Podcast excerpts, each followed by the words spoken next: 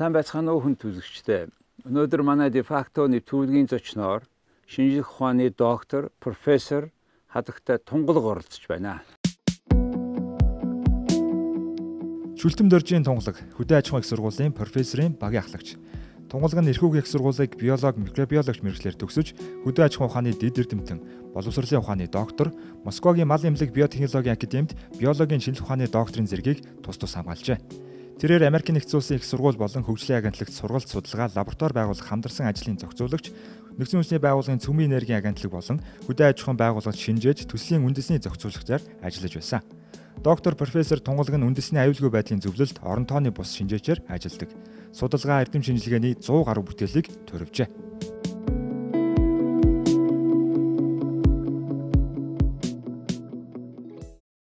Сайн байна уу та? Сайн байна уу?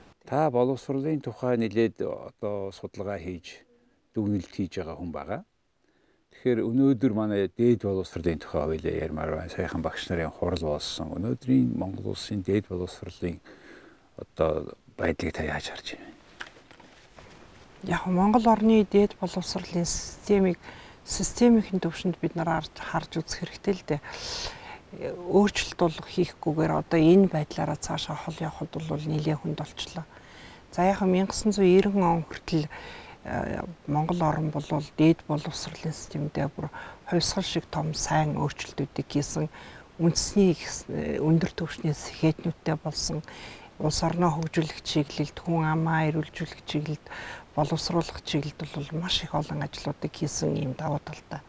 А 90 оноос хойш энэ байдал бол өөрчлөгдөөд яг улс орны өөрийнх нь нийгмийн эдийн засгийн асуудалтай адилхан ийм замбраагүй байдлаар шилжчихсэн. Зүгээр хатуухан хэлэх юм бол одоо хэлбэрийн төдий их сургуулиуд байгаад байдаг агуулга бид нар үндсэнд нь алдаж гээчхэд ингэж яваад байгаа гэж ингэж л хэлэндээ. Та ингэж энэ системийн төвшөнд 90 онд бол нэг удаа сайн өөрчлөлт хийсэн. Гэтэ өнөөдрийн байдлаа эргээ харахад бол хэлбэрийн төдий ихтэй сургуулиудтай байна гэж Тэгээ та алийг хэлж байгаа одоо жишээл дэд боловсролын салбар зөндөө болон хувийн тийм ээ их сургуулиуд бий болцсон. Улсын их сургуулиуд байна. Одоо энэ яагаад хэлбэрийн төдий болсон бэ гэж та бодож байгаа. Яг үндсэндээ бол бид нар э, дээд боловсролын системийг хөгжүүлэхдээ барьж байгаа бодлого маань э, оюутнуудаас авж байгаа төлбөр дээр тулгуурлаад байгаа байхгүй. Тэгэхээр оюутнаас авж байгаа төлбөр маань ихтэй сургуулийн оршин тогтнох үндэс болчоор зэрэг бодлого маань алдагдаад, үйл ажиллагаа маань алдагдаад ингээд хоцрогдлын төвшөр очсон. Гэхдээ бид нар энийг андуураад л ер нь болоод байна. Нэг хүүхдүүдэд ийм диплом өгөөд ихтэй сургууль бол ажиллаад байна гэж үздэг байдаг. Гэтэл өнөөдөр дэлхийн ертөнцийн өөрийнх нь өнгө төрөх энэ хөгжлийн явцыг харж байхад энэ маань бол одоо их хол хоцорсон ийм хэлбэр зураг. За сонин дүгнэлт байна л да. Үнэхээр төлбөртөө суурилсан гэдэг зорилгын зорилгын төлбөр авах юм шиг болчиход байна шүү дээ. Тий, тэгээд ингээд төгсөж байгаа хүүхдүүдийн ажил олж байгаа. Тий, тэгээ ер нь гол нийгмийн ухааны чиглэлээр явна гэд байгаа. Тэгээ тэр нь Монголд дэд улс оролттой ажил хөдлөлийг бий болгоцсон байгаа. Тэгээ энийг эргээд одоо төлбөр дээр суурилсан гэж юу хэлж байна. Тэгэхээр энийг бид нар ямар маягаар засаж залруулах боломж байна гэж та үзэж байна. Яг улс орн өөрөө хөгжлийн бодлого концепц их хатуу барих хэрэгтэй юм. Тэгэд энэ дээр бид нар бас 90 оноос хойш алдсан. Тэгэхээр Монгол орныхоо өөрийнх нь онцлогийг харах хэрэгтэй л дээ. Бид нар чинь 3 гаруй сая хүнтэй одоо 60 70 сая малтай энэ их том газар нутагтай байгалийн баялаг ихтэй одоо бид нарын үндсэн үзүүлэлтүүд маань энэ энэ дээрээ тулгуурласан хөгжлийн маш хатуу бодлогыг бид нар бариад энийг нам улс төрийн янз бүрийн байгууламжаас огт хамааралгүйгээр энэ бодлогоо бариад ингээд явах ёстой л доо. Тэгээ энэ бодлогын нэг тулгуур үзүүлэлт нь өөрөө мэрэгжилтэй боловсон хүчин бэлдэх тухай асуудал. Дээд боловсралтай боловсон хүчин бэлдэх тухай асуудал. Энэ нь өөрөө эргээд улс орондоо бол тэр бодлогыг барьж явахад нөлөөлөх тийм хүчин бид нар дээд боловсруулаар бий болох хэвээр ийм юм байгаа байхгүй юу. Тэгэхээр одоо ингэж ярьж байна улсын хөгжлийн концепцийг хатуу бодлогоо баримтлах хэрэгтэй намаас хамаагүй гэж яг тийм хөгжлийн концепц гэж байгаа юм уу? Уу одоо тэгээд дээд боловсрал дээр ихэд л юу вэ мастер төлөвлөгөө гэж байн байн байн байн хийдэг. Тэгээ тэрнийх нь үр дүн гэж юм э, нүдэнд харагдчих ихэнд баригдахгүй. Хамгийн гол бид нарыг үнэлж байгаа үнэлгээ маань төгссөн хүмүүс маань гологдоод байгаа байхгүй. Хаач очиж ямар ч тохиолдолд гологдоод байгаа байхгүй. Тэр би түрүү хэлсэн нөгөө дөрвөн үндсэн э, тэр дөрв там Монгол орныг тодорхойлж байгаа үзүүлэлтэн дээрээ тулгуурлаж бид нар энэ улсынхаа хөгжлийн бодлогыг ч тэр дээд боловсруулалтаа яаж авч явах концепцж гаргасан. Ямар тодорхойлтын бодлого юм? Дөрвөн.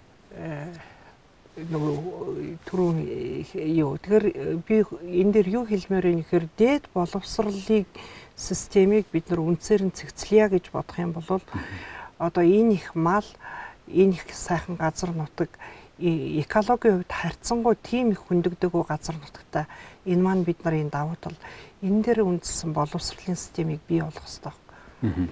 Дэлхийн нийтээр өнөөдөр ингээд харж байхад бол экологийн хувьд бол доройдлын одоо хамгийн дээд цаг гэж байдаг бол тэрэндээ очичихсан.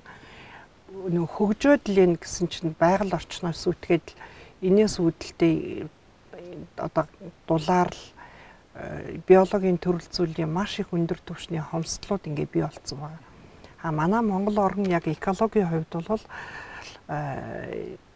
энэ их мал байгаа учраас энэндээ тулгуурласан хөгжлийн бодлого дээрэс нь эндээ тулгуурсан дээд боловсролыг гаргаж ирэх хэрэгтэй байхгүй. Экологийн чиг баримчатаад дээд боловсролын систем гэдэг юмыг энд бий болгомоор байгаа байхгүй одоо Монгол орн би түрүүн хэлсэн 90 он хүртэл бас их хөгжлийн аятайхан концепттай хүмүүсээ боловсруулсан гэдэг. Энэ яг энэ хэдэн жил дотор бол биологийн суур шинжлэх ухааны энэ ойлголтууд энэ чиглэлийн хөгжил их сайн явагдсан. Тэгээ 2015 оноос эхлээд үндсэндээ энийг баг үгүй хийсэн. Тэгэхээр бид нар чинь босгоцсон суур сайхан тэр шинжлэх ухааны суур дээд боловсруулалтын систем бий болгоцсон юмнуудаа нураачаад одоо баг нойлцсон гэж хэлж болгоо. Ийм төвшөнд очсон. Тэгэхээр энэ нь өөр маш их гонигтай бөгөөд харамсалтай босгоцсон юм а нураацсан учраас. Тэгэхээр бид нар биологийн шинжлэх ухааны одоо энэ хим, физик, биолог, математик гэсэн энэ суур шинжлэх ухаануудыг хөгжүүлж вэж сая энэ хэдэн малынхаа асуудлыг шийднэ. Сая энэчнээс экспортын одоо үнэтэй бүтээгдэхүүнээ гаргаж чадна.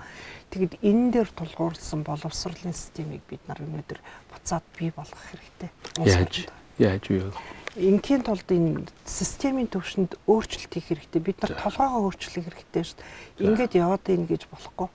Үйл ажиллагаагаа цэгцлэе гэвэл тархиндах энэ бодлоо амьдралыг харах энэ өнцгүүдээ өөрчлөөд экологийн чиг баримжаатай ямар ч байгаль орчиндөө хоргүй тийм бүтээгдэхүүнүүдийг гаргаж авах тийм технологийн шийдлүүдийг хийж чадах боловсролын системийг бий болгох хэрэгтэй. Тэрийг яаж бий болгох вэ? Өөрчлөлт дээд сургуулиудыг шинжилэн өөрчлөх хэрэгтэй. Бүр системийн түвшинд. За тэг та дээд сургуулиудыг ингээ бодлогын түвшинд өөрчилж, бодол хандлагын өөрчлөе гэж ярьж байна. Тэгтэл ус төрчдсөн ихтэй сургуулиуд төр засаг нам засах захиргаа төр төр солигдохоор ихтэй сургуулийн дарга нар энэ сольдог намынхаа хүнийг тавьдаг. Тэгээ бусад оронд болохоор тэр бол намаас хамаарахгүйгээр тууз гэж байна. Тэр тууз нь өөрсдөө тэр бүс захирлаа болдог. Энэ тухай одоо ингээл миний мэтгэл баг 10 жил ярьж 10 хэдэн жил. Энтэй яагаад хийгдэхгүй байна? Одоо тэгээд эн чинь хөгжлийн төвшин өөрөө бүх тал бүх системд бүр дээрээс эхлээд доошогоо хүртлээ үйлчлээд байна. Хөгжлийн маш дорой систем бидний дунд ажиллаж байна. Өөрөөр хэлэх юм бол одоо ер нь ном уншсан хүн цөөхөн энэ бодлого толгойд тодорхойлж штэ. Тийм л. Тэгэхээр энийг бид нар яриад нэмэргүй өөрчлөөд эхлэх ёстой. Эхлэхдээ яг дээд боловсролын системээс эхэлжүүл арай хурдцтай явах болов гэж бодож байгаа юм. Саяхан бид нар нэг юм хилцүүлэг хийсэн тэн дээр бадарч доктор энэ төр хэлжсэн л да. Үгүй ганцхан дээд боловсрал гэж болохгүй бүх э, төвшөндөө энэ боловсролын асуудлыг шийдэх ёстой гэд. Би бол арай хурдан дөхөмтөө нийгэмдээ нэмэр болох салбар нь дээд боловсролын салбар юм уу гэж харж байгаа юм. Ханаас нэхлэх үү? Дээд боловсролын өөрийнх нь бүтэц тэр дотор нь орж байгаа агуулга гэдэг маань сургалтын хөтөлбөрүүдэд цэгцлэхээс эхэлнэ шүү дээ. Тэгээд багшлах боловсон хүчний асуудал. Багшлах боловсон хүчний асуудал өнөөдөр их хөвчлэн тохиолдол улсууд их олон байна. Том том эрдэмтэд байн чадaltaй улсууд байна. Тэр нь мэрсээр учраас нөгөө тэр маста дарагдаад гарч ирж чадахгүй нэг юм юм харагдаад байгаа юм. Тэгэхээр энд хөгжил маань өөрөө ингээд нэг тэр системээрээ явдаг учраас энд манлайлах үүргийг энэ Монголд байгаа сэхэтнүүд одоо гүйцэтгэх цаг нь бол ирсэн. Тэгээ энийг хийхгүй ингээд яваад ивэл Монгол орн ч одоо дэлхий дээр хамгийн сүүлийн байранд үндсэндээ орчод нь шүү дээ. Гайхуулж байгаа ганц юм тэр э, одоо байгалийн баялаг гэж яригдаа тийм. Тэгтэл тэр байгалийн баялаг чинь дуусч шүү дээ. Тэ дуустдгүй манад баялаг нь тэр хөд аж ахуйн салбар өөрөө хийж шүү дээ. Тийм ээ. Тий за тэгэхээр та боловсролын салбарыг бүтэц сургалтын хөтөлбөрийн багшлах боловсон хүчин өөрчлөө гэж. Юу болохгүй мөнгө тутаж гэнэ үү? Манлайлагч байхгүй байна уу? Энэ төрийн удирдлага нь болохгүй байна уу? Энэ бүхнийг системийн хувь та түрүү ярьж систем гэдэг маань нөгөө бодлоо өөр болоод бүтцээ янзлаад дизайнаа өөрчнө гэсэн үг шүү. Тэгэхээр одоо яг энэ ажлыг бодлоо өөр болгоно гэдгийг ханаас эхлэх үү? манлайлагч нар хэрэгтэй. Тэр нь төр юм уу, хий, хой хүн юм уу, скети юм уу? Аа одоо манлайлагч байхгүй байгаа болох төр зэрэг ерөөсө бас хөгжил явахгүй. Манлайлагч гэдэг нь юу вэ гэхээр тэр авилгалд идэгдээгүй хувь хүнийхээ хувьд үлгэр болж чадах тийм хүмүүсийг бид нар гаргаж ирж тавих хэрэгтэй байна. Энийг бүр бодлогоор тавих хэрэгтэй байгаа байхгүй. Тэгжэр тэр манлайлагч нь бусдыгаа ингээд аваад явах хэрэгтэй. Хаана болох тэр хүмүүсийг авилаад илэгдээгүй. Тийм хүмүүс байгаа л да. Тэгээд олох хэрэгтэй. Энэ дунд чинь энэ 3 сая хүн дунд чинь сайхан зөв улсууд биш үү? Төв 80 нурууга баринд хөтгсөн мөртлөө хөгжих. Бага мөртөө тэр хүмүүсийг гаргаж ирэхгүй, ямарваа нэгэн боломж өгөхгүй нэг юм систем. Улс төрийн намаар заавалдаг нөх ёстой. Тэр намтай холбоотой хүмүүслээ ийм ажлуудыг төр засгийн ажлуудыг дараа нь төрийн өмчтэй ихтэй сургуулиудыг имлэгүүдийг ингээд авч явах гэдэг шүү дээ. Зарим нь авьяастай хүмүүс очиж байгаа ч гэсэн хөдлөх чадахгүй. Тэгээ одоо нэг юм гацаанд улс орн чинь тэр чигээр орчод байгаа байхгүй. Тэгээ одоо бид нар ингээд тав тэр энэ өнөөдрийн яриа чинь ингээд нэг хайлт гарц хайгаад шүү дээ. Тэгээ одоо энийг хаана аль үзүүрээс нь хэлмээр юм. Тэгэхгүй бол ерөнхийдөө хэрэгтэй байл гэж ярих yes окей. Сайн сайн ярьсан юм ярьж болно. Яг юунээс эхлэх вэ? хийх вэ гэмээс манлайлагч байхгүй байна гэж. Хаанаас олох вэ? Бид олох хэрэгтэй гэж. Тэгээ бид нарт ч гадаадаас хүн ирж туслахгүй. Манай Монголын хүмүүс эрдэмтэд сэхэтнүүд арай илүү ном уншдаг, арай илүү сэтгэдэг энэ хүмүүс нь энэ асуудлыг эхлэх ёстой. Би бол өнөөдрийн энд орд ирээ сууж байгаагаа юу гэж харж байгаа гэхээр ярих л ёстой. Би хин нэгэн хүн энийг үлгэж аваад дэмжээд ингээд яваад тэгж баг багаар урагшлах хэрэгтэй гэж үзэж байгаа. Тэрнээс өнөөдөр би яриад маргааш юм өөрчлөгдөхгүй нь тов тодорхой. Гэхдээ эн чинь нийгэм бүхэлдээ ийм харах өнөөдөр аж үйлдвэрийн дөрөвдүгээр хувьсгал гэд дэлхийн нийтээр ёстой уралдаж байна. Тийм ээ. Бид нарын хөрш орнууд 30 тэрбум төгрөгийг 30 он хүртэл одоо хөрөнгө оруулалтанд хийгээд тэгээд аж үйлдвэрийн дөрөвдүгээр хувьсгал буюу технологийн шийдлийг дэлхийд тэргүүлнэ гэдэг ингээд тэмцэлдэж уралдаж өдөр шөнөгүй ажиллаж байгаа ийм цаг үе. Тэгээд том том дэлхийн глобальны асуудлуудыг энэ технологийн, шинжлэх ухааны мэдээллийн энэ салбарууд дээр шийдлүүдийг олцоод ингээд хоорондоо уралдаад 21-р 100 гэдэг маань өөрөө тэс өөр 100. 20-р 100-та харьцуулах байлт байхгүй өөр 100 гараад ирлээ. Өөр нөхцөл байдал бий болчлоо. Экологийн хувьд аж үйлдвэрийн дөрөвдүгээр хавьсгалтай холбоотой энэ олон асуудлуудын хувьд ийм шал өөр нөхцөл байдал үүссэн байхад бид нар одоо ингээд э, хэлбэр төдий дээд сургуулиудтай ингээд зуралдаад хуучинтайгаа зуралдаад байгаад байгаа нь өөрөө улс орныг бол одоо энэ залуучдын хэлээр ичгэвдэртэй одоо ийм онигооны ийм байдалд оруулж шít. Тэгэхээр бид нар энийг ч одоо өөрчлөхгүй бол ерөөсөө асуулт тийм л дээ. Яаж өөрчлөх гэдэг л байгаа юм л да. Тийм. Тэгээд яаж өөрчлөх яриа хуулиа явуулахын тулд тодорхой саналууд гаргавал тэгж тойроо ярихгүй. Үгүй яг хамгийн ихний асуудал гэвэл салбарын яамдууд ч өөрсдөө бодлого тодорхойлж байгаа тийм. Тэгэхээр салбарын яамдууд чинь манайх энэ 5 жилд ийм ажил хийн, энэ 10 жилд ийм ажил хийн, 30 жилдээ ийм ажил хийн. Манад ийм ийм боловсон хүчин хэрэгтэй байна. За ингээ боловсон хүчин хэрэгтэй байна гэд инхээр тэр тоогоо гаргаад боловсролын яамдаа өгдөг. Боловсролын яам нь яг тэр чиглэлээр нь хүн бэлтгэх ажлаа зохион байгуулах хэрэгтэй байгаа юм. Ядахта. Тэгэхээр яг одоо тэгвэл нөгөө олон нийгмийн ухааны хүн бэлдэх э, юм ч нөө өөрөө өөрчлөгдөд эхэлнэ. Тэгэхээр за би энэ байдлыг ингээд солон жил ингээ хараад ямар дүнэлтэнд хүрсэн бэ гэвэл та салбарын боловсон хүчин бэлдъя гэж. Окей, гоё яг олоод тэг хэрэгтэйг ингээ нэрс гаргаад ирлээ. Тэр нэрс бол нам солигдоод тэр шинэ ирсэн сайт бол нэг хамаатай биш болчихж байгаа. Яг мань хөө мэдлэг боловсролынхаа хэмжээнд хэрэгтэй гэж үзэж байгаа ч гэсэн одоо мань хөө нөгөө намын дараанаар энэ тавьсан хүмүүс намда хандив өгсөн хүмүүс энэ нөгөө намын даргын одоо даалгавраар ингээд 9 шидийн өөрөө ч гэсэн харсаар байтны хүн чадахгүй гэсэн мөртлөө тийм хүнийг аваад буюу төр засгийн ажлууд авиас чадвар дээр суурлахгүйгээр арын хаалган дээр суурилсан боловсон хүчнийг авж байгаагаас их юм үсвэртэй гэж харж байгаа. Энэ хаанаас гарч ийн гэхээр улс төрийн намууд нэртэй хүмүүсээс мөнгө хураадаг юм систем бий болсон. Дараа нь тэрийг төлбөрийг өгдөг.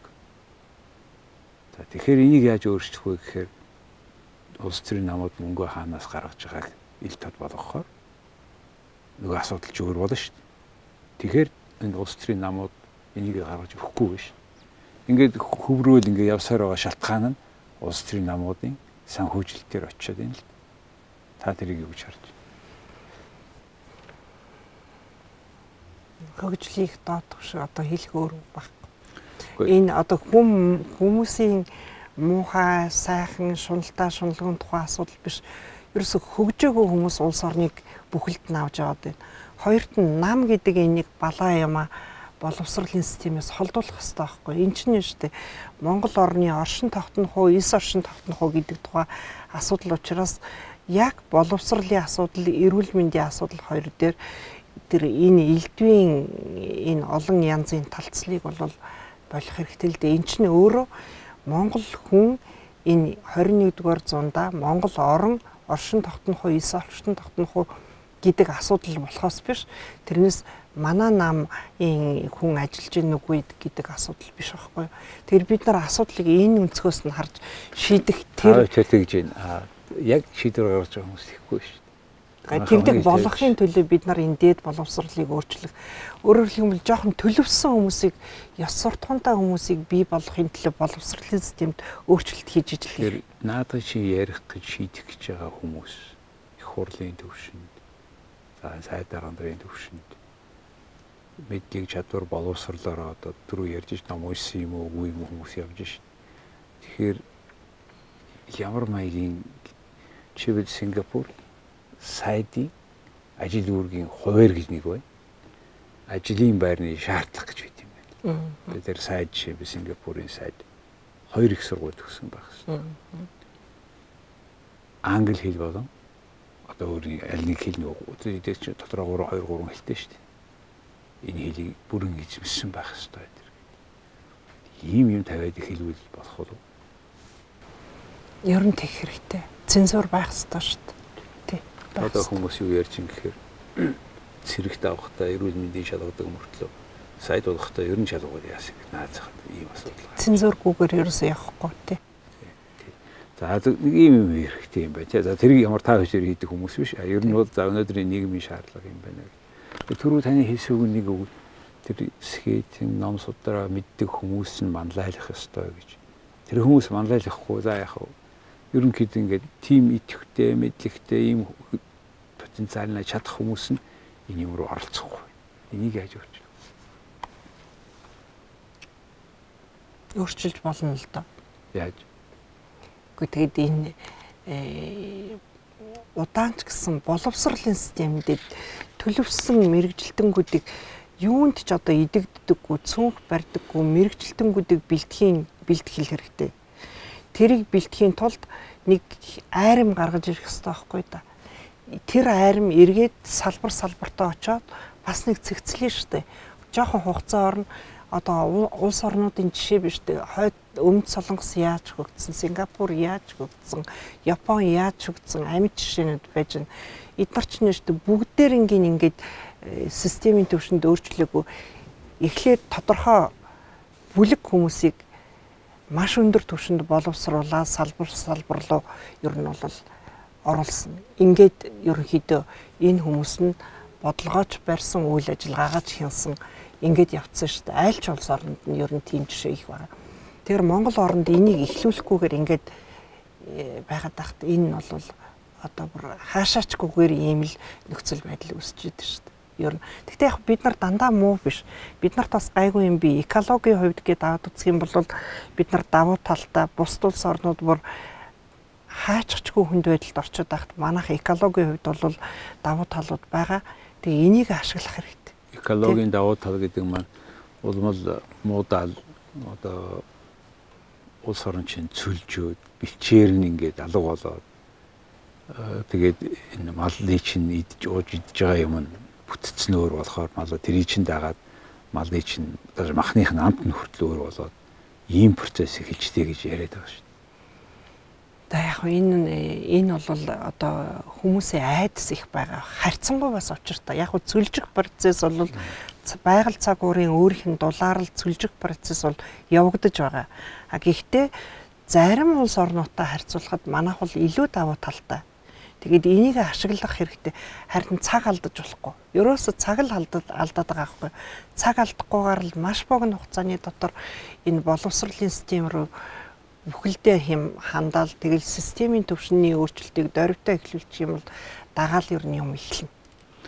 Тий, тэгээ тийм тэгээ нэг дөрвтэй эхэлчих хөдөлчих байх гээд 30 жил явчлаа шүү дээ. Ялангуяа та түрүү ярьж чинь сургууль ихтэй сургуулиуд хэлбэрийн төдий боллоо гэж их хуралд байсан хүмүүс өөрсдөө хууль гаргаад өөрсдөө их сургууль байгуулад өнөөдөр тэгээд их сургуульч биш баг сургуульч биш юм. Тэгээд төлбөр авдаг системтэй болцсон. Тэгээд боловсролын салбарыг ялангуяа дээд боловсролын салбарыг тэр этгээдүүд мөнгө олдог хэрэгслэгээ хардсан. Тэгэд ийм тохиолдолд хүмүүсийн тэр даяар системийн хувьд хандлагын өөрчлөлөө гэв. Тэгээ энэ их хурлын гишүүн байсан хүмүүс төрөлсөлт байсан хүмүүс бизнес эрхлээл буцаж ирээд ингээд байх хоёрыг яаж одоо энд өөрчлөлт хийхгүй болохгүй шин. Энийг та яаж харж байгаа? Өөрчилж болно. Боллоо яах юм бэ? Энд чинь хугацаа хэрэгтэй. Тэгтээ хүмүүсийн хандлагыг цэгцлэх энэ процесс чинь хаана хийгдгийг дээд сургуулиуд дээр хийгдэнэ. Тий. Бага сургууль дээр хийгдэхгүй, дунд сургууль дээр хийгдэхгүй. Арай жоохон боломжтой газар нь дээд боловсролын систем байгаа байхгүй. Энэ дээр хүмүүсийг би бол одоо энэ тэр уламжлалаа сэргийх асуудал гэдгийг бид нар бас хүндэх хэрэгтэй юм шиг байна. Яг гэвэл бид нар чинь манжийн дарлал гээд социализмын үе гээд буддын шашныг жигтэйхэн муу хэлээд идэг. Гэтэл буддын шашнаарт амьдсан бас уламжлалын сайхан нөхцлүүд байж гэн. Тэнд онлууд байж гэн, догмууд байж гэн. Энийг нь өөрснөө орчин цагтаага ингэж хослуулад их аятахнаар хүнийг хүн байлгах төлөвшүүлэх энэ юмнуудыг систем боловсролын системд оруулж ирэх. Өөрөөр хэлэх юм бол төгсөж байгаа дээд боловсролтой мэрэгжилтэн ерөөсө худлаа хэлдэггүй, хулгай хэлт хийдэггүй, амлсан бол тэр ажлаа биелүүлдэг, хийж байгаа юмд үнэнч байх. Энэ систем баг хүүхэд байх төлөвшөх боловч энийг дээд боловсролын системээр хүчнэдэд албаар хийж болно гэж би бол хардаг байхгүй. Тэгээд нэгэнтээ бүхэлдээ тийм систем рүү орчих юм бол учир оргоно. Одоо энийг эхлүүлэхгүй л их цаг алдчих. Зан суртах уу, яс суртах уу гэдэг ингээ үзэхээр энийг бий болгодог нэлээд том зүйл нь бусд орнууд жишээ сая шашин банд юм. Манайд энийг одоо бид буддын шашин гэдэг нэг сайн энэ социализм үед үүсгээд одоо тэгээ нэг тийм шүшиг сүшиг бишэрлийн төвшөнд яриад нь шүү дээ. Гэтэл энэ шашин чи өөрөө гүнзгий авдаг агуулгатай. Тэгээ эндий одоо бүр томоохон шинжил хийгээд ялангуяа энэ энэ шашныг тээж байгаа, энийг илэрхийлж байгаа лам гэж хүмүүс байна шүү дээ. Тэгээ энэ хүмүүс нь өөрсдөө зүгээр өөр хэлээр цээжлэх биш. Энэ тэр бурхан багшийн сургаалыг өөрсдийн өөрсдөө үнэмшээд, өөрсдөө дагаад бусдад зааж өгдөг байхыг томоохон өөрчлөх хэрэгтэй шүү дээ. Энийг та яаж харж байгаа? Гандан дээр ер нь ганц гандан ч ер нь бүх энэ шашин сүм хийдэдээр ямар өөрчлөлт хийх ёстой вэ гэж бодож байна. Тэгэхээр нөгөө энэ дээр яг манлайлалын тухай асуудал хөндөгдөх байхгүй юу? Хэрвээ лам хүн юм бол э, нөгөө юу хийж байгаагаар нь биш хин юм бэ гэдгээр нь бид нар харж иж даах хэрэгтэй. Тэгэхээр тэр хүн э, одоо тэр өөрийнхөө нэгдүгээрт үүлэндээ үнэнч хоёрт нь тэр буддын шашны тэр их олон мундаг хатуу сахилуудыг их сайн сахидаг байж сая үлгэр болно. Тэ? А тэгээд энэ нь өөрөө а ингэж ч хүн сайхан амьдрдаг юм байна гэдэг философиг бусдад ойлгуулж гаргаж ирнэ. Тэгэхээр уламжлалгүй шинжилэл өөрөө дандаа хязгаардмал байдаг. Тэгэхээр бид нар энэ уламжлалаа таслаа хийцэн э, социализмын үед яг ингээд олон давуу тал байгаа боловч бас таслаа хийцэн тийм ээ. А тэгээд энэ сүүлийн 30-аад жил дотор уламжлалч байхгүй, шинжилэлч байхгүй ингээд өнөөдрийн энэ анархизм шиг энэ нөхцөл байдал маань бий болчиход. А тэгэхээр бид нар одоо энэ бүхнийг эргэж хараад социализмоос авах сайн юм аваад тэнцэж хүмүүсээ боловсруулж чадсан сайн систем Оросын системийг бид нар муу хэлхийн ирэх байхгүй. Одоо Английн тэр Тереса Мэй чинь бүр албан ёсоор мэдэгдэлхийсэн шүү дээ. Бид нар дунд боловсролын системдээ Оросын дунд боловсролын системийг бүхэлд нь нэвтрүүлчлээ гэдэг. Аа тэгээд э, Англид дээд боловсрлоо бас тэр төвшөр рүү явуулж гин гэд. Японууд бас энэ чиглэлээр нэлээд ажил хийгээд эхэлсэн. Тэгэхээр бид нар тэр 70 жилд олсон амжилт маань бол муу биш байсан. Тийм учраас монгол хүмүүс боловсралтай гэж бас үзэгдэж байсан. Тэгэхээр эндээс авахыгаа аваад дээрэс нь тэр монгол хүнийг монгол хүн шиг байлгах уламжлалт тэр язгууртны соёл, язгууртны хүмүүжил байсан юм билээ Монгол улсад. Тэрний хамгийн сүүлийн жишээ тэр Дорнговийн э, алтан гэрэл гэд тахилч тэр хүний өвөө нь төдөв гэж өвөө нь тэр хүүдээ бичсэн захааг би уншижсэн. Нэг нь шүтэн барилдлагын тухай нөгөөх нь биогеоциноз гэж бид нар ярьдаг энэ э, байгалийн сав шим ертөнцийн тухай юм хоёр захаа. Тэр хоёр захааг 60-аад оны дунд үед бичсэн захаа байсан санагдаж байна. Уншихад Монголд яахын аргагүй язгууртны гэрийн ийм том хүмүүжил боловсрал бол байсан юм байна гэж ингэж ойлгогдож идэг. Тэгээд гандангийн чой жам цамбын тэр сургаал номнуудыг хаар тэр шашны том төлөөлөгч нарыг хаар ингээд үзэхээр уламжлал байгаа биш байсан. Бид нар энийг сэргээх хэрэгтэй. Зөв зөв гол дээргаар. Тэгээд энэ энэ миний хэлээд байгаа дөрөвдүгээр хувьсгалтай холбоод тэгээд энэ энэ их технологийн том өөрчлөлтүүдтэй холбоод нэг төлөвсөн монгол хүнийг гаргахын төлөө бид нар явах хэрэгтэй байгаа. Одоо бид нарын үе э, өөр хэрэг одоо энэ залуу үеийг харахаар бас л яандаа гэж бодогдох юм байна шүү дээ. Эдний чинь боловсруулах хүн болгох юм юм хэрэгтэй байдаг. Тийм амар биш. Та хоёр тэр боловсруулалтын тухай ярьлаа, шашны тухай жоохон ярьлаа.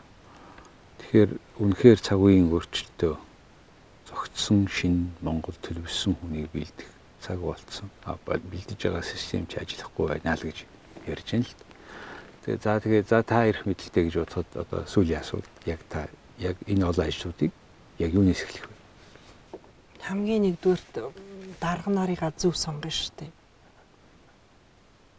Та боломжгүй юм ярьж байна да. За дарга нарыгаа зөв хүнээс үгүй яг зөв хүн гэж ер нь одоо харьцангуй ойлголт тийм ээ. За. Тэгтээ сонгож болно. Тэгээд зорилгоо зөвд гаргана шүү дээ. За. Тэгээд тэр зорилгондоо хүрэхийн төлөө шүү дээ. Зорилго маань юу вэ гэхээр зэрэг би түрүү хэлсэн экологийн чиг баримжаатай их дээд сургуулийг бий болгоё. Бид нарт тэр олон хууль ч юм уу тэр олон одоо нийгмийн ажилтнуудын хэрэг байна уу? Энэ 60 сая малны учрыг олох хэрэгтэй дээ. Энээс гарч ирж байгаа бүх бүтээгдэхүүнийг эцсийн бүтээгдэхүүн болгохын төлөө ажиллах тийм боловсон хүчинтэй боловсролын системийг Монгол бий болгомоор байна. Тэгэхээр энэ бүхний цаана хувь хүний ямар маягийн урамшуул гэх юм бэ? Тэр нь энэ хийсэн ажил нь өөрөө тэр хүнд таашаал авчрахаас гадна санхүүгийн эрх чөлөө авчрах ёстой. Угаасаа тэгж явна шүү дээ. Тэгээ энийг яаж холбох вэ? Гэхдээ одоо тэгээд системийн төвшөндөө бид нар энийг өөрчлөх хэрэгтэй. Та хариуцлага хүлээж байгаа бол та өндөр цалин авах ёстой. Энэ нь өөр зөв тогтол.